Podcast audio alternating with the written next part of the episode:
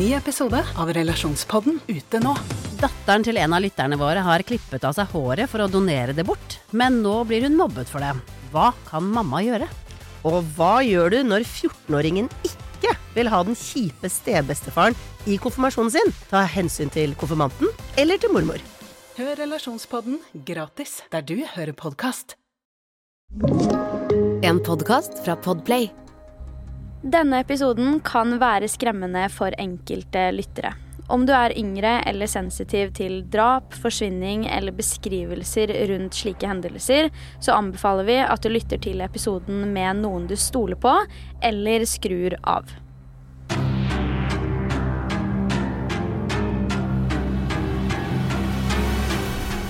Hei og velkommen til en helt ny episode av Forsvinningsfredag podkast. I denne ukens episode skal jeg ta for meg saken om Wright-familien, som på mange måter er en helt forferdelig tragisk sak som flere har delte meninger om. Saken omhandler partnervold, men også partnerdrap under grusomme omstendigheter. Og det er av disse grunnene at saken har fått vanvittig mye oppmerksomhet.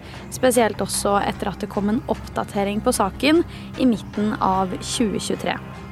Dette er saken om Wright-familien, som på utsiden kanskje virket som den perfekte familien, men som i virkeligheten hadde store, mørke hemmeligheter som ingen andre fikk se. La oss gå rett inn i saken. Aller først må jeg introdusere deg for historiens hovedperson, nemlig Susan Wright. Hun ble født Susan Lucille Wright den 24. april 1976 i Houston, Texas, og foreldrene hennes het Sue og Jimmy. Allerede som 17-åring begynte Susan å jobbe som danser på et litt lugubert sted, eller stripper som noen også vil kalle det. Her jobba Susan i to måneder før hun ble lei av oppmerksomheten og hvordan jobben hennes fungerte. Det er da hun faktisk søker seg inn på sykepleierstudiet på en lokal høyskole, og skaffer seg samtidig en deltidsjobb i en frisørsalong. Selv har Susan sagt at det tok kort tid før også det ble kjedelig, så hun droppa ut av studiet kort tid etter at hun hadde begynt. Litt senere får hun seg en jobb som servitør på en restaurant, og det er vel egentlig der starten av denne historien begynner. I 1997 jobbet hun jo da i denne restauranten og var selv 21 år gammel. Dette året kommer en sjarmerende mann inn i restauranten, og navnet hans er Jeff. Selv var han litt eldre enn Susan og hadde de siste årene brukt tiden sin på å leve en veldig typisk ungkar-livsstil, fylt med alkohol, guttastemning, damer og kokain. Snart skulle han imidlertid fylle 30, og det kan virke som at det påvirket Jeff i større grad enn man kanskje ville forventa fra en mann som har levd denne ungkarslivsstilen frem til nå. Han ønska nemlig å heller slå seg til ro, finne seg en kvinne han kunne dele livet sitt med, og starte en familie med. Da passer det også helt perfekt at det er når Jeff har innsett nettopp det, at han møter Susan. I likhet med veldig mange andre forhold i saker vi har snakka om i podkasten her tidligere, så var det også en umiddelbar gnist mellom disse to, og faktisk hadde Jeff sagt at han skjønte at Susan var the one med en gang etter å ha møtt henne for første gang. Det var masse lidenskap mellom disse to, og derfor så tok det heller ikke lang tid før de innledet et forhold. Bare noen måneder inn i forholdet finner også Susan ut at hun har blitt gravid med Jeff, og selv om begge visste at det kun var den andre personen de ønsket å dele livet sitt med, så hadde ingen på en måte sagt det høyt helt enda. Det kan virke som at Jeff trengte denne graviditeten for å virkelig få fart på sakene, så han ender opp med å fri veldig raskt, før de allerede to uker etterpå, på høsten 1998, gifter seg på en privat seremoni rett på utsiden av Houston i Texas. Etter hvert blir sønnen Bradley født, og det tar heller ikke så altfor lang tid før Susan blir gravid igjen, og etter hvert føder en datter ved navn Kayleigh i 2002. Susan var ute av jobb i en veldig lang periode, spesielt med tanke på at hun fikk to barn relativt tett på hverandre. Og derfor fungerte hun egentlig som hjemmeværende mor i løpet av ekteskapet. Hun var gjerne hjemme og gjorde huset til et hjem. Forsøkte å stelle i hagen iblant og sørga for at alt på hjemmebane var som det skulle. Jeff jobbet jo, men når han hadde fri, så brukte også han gjerne tid på utsiden av huset, og hadde i 2003 begynt å grave ut et lite område på forsiden av huset fordi familien hadde planlagt at der skulle de ha en vannfontene. På utsiden virket forholdet deres helt perfekt, en harmonisk og fin nyoppstartet familie uten noen store problemer. Likevel skjulte det seg store problemer bak fasaden, som ingen andre enn dem selv fikk se. Jeg nevnte jo tidligere i episoden at Jeff hadde levd ungkarslivet til det fulle i tiden før han møtte Susan, og selv om han nå hadde blitt far og lagt fra seg festekulturen i like stor grad, så brukte han likevel kokain og andre rusmidler jevnlig, nok til at dette var et problem som skulle tære på forholdet. Susan har også hevdet at Jeff var fysisk og psykisk voldelig mot henne, og at dette faktisk begynte allerede i de første årene av forholdet. Vi har hørt om flere tilfeller hvor han også har banket henne, og det ofte i kokainrus, og Susan har vært veldig tydelig på at hun hata hvert sekund av dette, og at hun ofte var mye redd for både seg selv og barna. Hun har forklart at hun aldri visste hva han ville finne på å gjøre, at han rett og slett var forferdelig uforutsigbar og aggressiv. Likevel tar det litt tid før forholdet virkelig skal få kjenne på konsekvensene av disse faktorene. Det er i starten av 2003 at Susan har fått nok av det hun selv omtaler som mishandling og vold Mandag den 13. januar skjer det som er grunnen til at denne saken ble så kjent. Susan Wright lurer, ifølge bevismaterialet, med seg Jeff inn på soverommet, hvor hun har lovet han samleie. I stedet blir Jeff bundet fast til sengen, før Susan finner frem en sylskarp kniv. Susan Wright knivstikker nå ektemannen sin så mye som 193 ganger i hele kroppen, og i løpet av knivstikkingen har hun benyttet seg av to kniver. Det er ingen tvil om at dette er gjort i affekt, og helt åpenbart at hun visste både hva hun drev med og hva hun ville oppnå. Ikke bare det, Susan går også lengder for å dekke over drapet som nettopp fant sted. Rett etterpå drar hun liket av ektemannen sin ut i hagen og til gropa som ektemannen selv hadde gravd til fontena. Her blir han i stedet selv gravlagt etter å ha blitt brutalt myrdet av kona si. I tillegg til dette velger Susan å male veggene på soverommet, eller åstedet som det nå hadde blitt. Dagen etter ringer hun også inn til politiet for å melde om en voldssak i hjemmet, som gjorde at hun fikk innvilget besøksforbud mot ektemannen sin. Dette var visstnok en del av hennes plan om å klare å dekke over drapet, fordi hun skjønte at folk kom til å legge merke til at han ikke var på jobb, og at han hadde forsvunnet. Nå er det påskesalg hos Ark!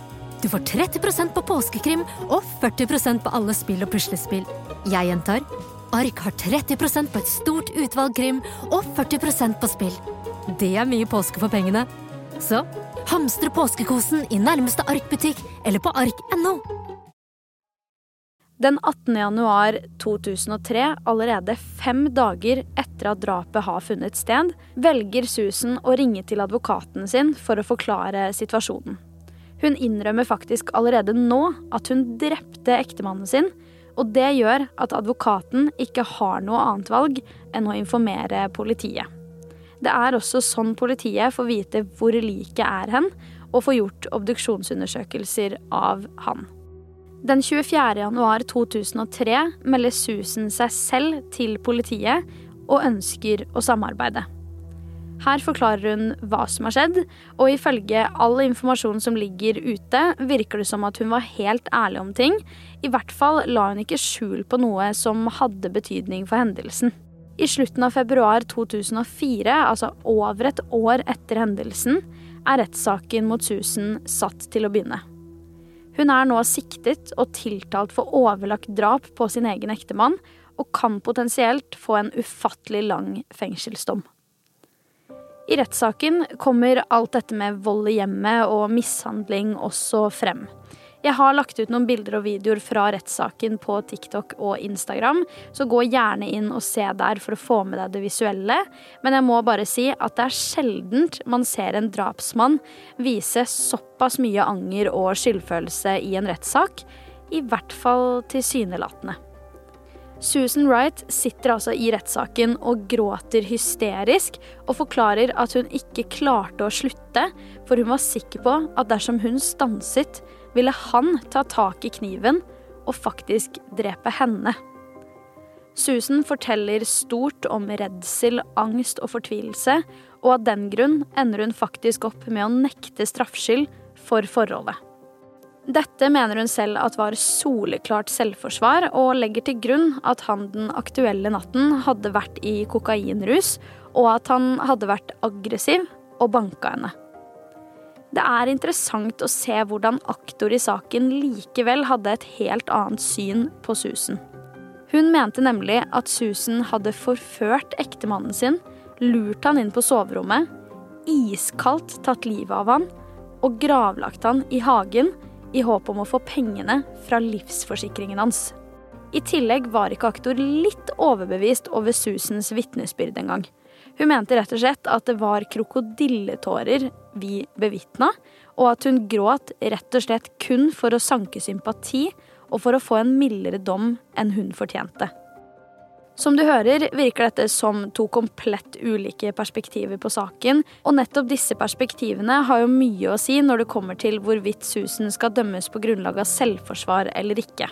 Historien blir jo en helt annen dersom hun har gjort dette i selvforsvar, samtidig som hun uansett har knivstukket en mann 193 ganger. Det er jo en ufattelig personlig og brutal handling å gjøre, så det er ikke akkurat vanskelig å skjønne hvordan denne rettssaken har hatt mange ulike meninger til seg. En ting vi ikke ser så ofte i ulike rettssaker, men som skjedde i denne rettssaken pga. aktors overbevisning om at Susan forfalsket både tårer og forklaring, er at de faktisk dro frem den faktiske senga fra huset til Wright-familien hvor drapet skjedde. Her demonstreres det hvordan aktor mener at drapet har utfoldet seg, og bruker et argument om at Susan tidligere hadde jobbet som stripper, og derfor hadde brukt egenskapene sine til å forføre ektemannen hennes i et iskaldt angrep. Samtidig som dette vises i retten, sitter Susan hysterisk ved siden av advokaten sin og får ikke frem et ord. Folk har veldig delte meninger om den rettssaken her i sin helhet, og også da aktors veldig sterke påstander. Men uansett så ender Susan opp med å få en dom på 25 år i fengsel for overlagt drap. Dette skjer da i begynnelsen av mars 2004. Den 20. november 2010 blir imidlertid dommen til Susan endret på bakgrunn av et nytt vitne som hadde stått frem i forbindelse med vold utført av Jeff Wright to år tidligere. Dommen hennes endrer seg fra å være 25 år i fengsel til å heller være 20 år, og det gjorde faktisk at Susan fikk mulighet for vurdering av prøveløslatelse allerede i 2014, fire år etter at endringen kom. I 2014 fikk hun likevel avslag på prøveløslatelse to ganger, som ofte skjer om det vurderes at du har gjentagelsesfare, eller om du ikke er klar til å ferdes i det fri. Neste gang hun skulle få muligheten til dette, var da ikke før i 2020.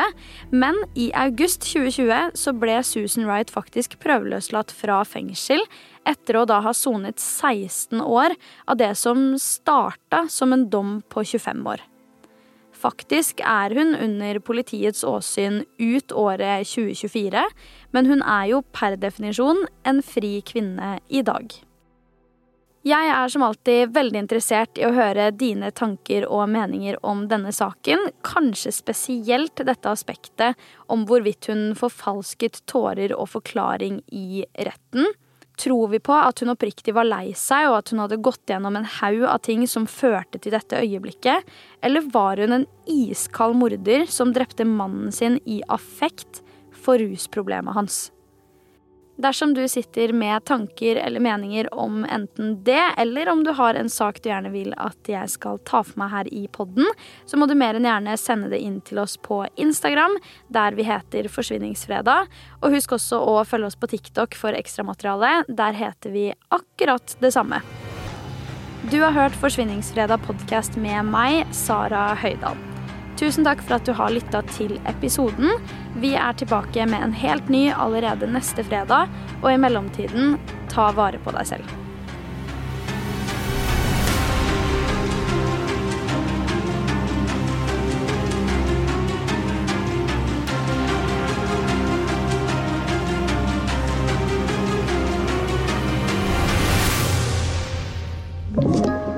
Du har hørt en podkast fra Podplay. En enklere måte å høre podkast på. Last ned appen Podplay eller se podplay.no.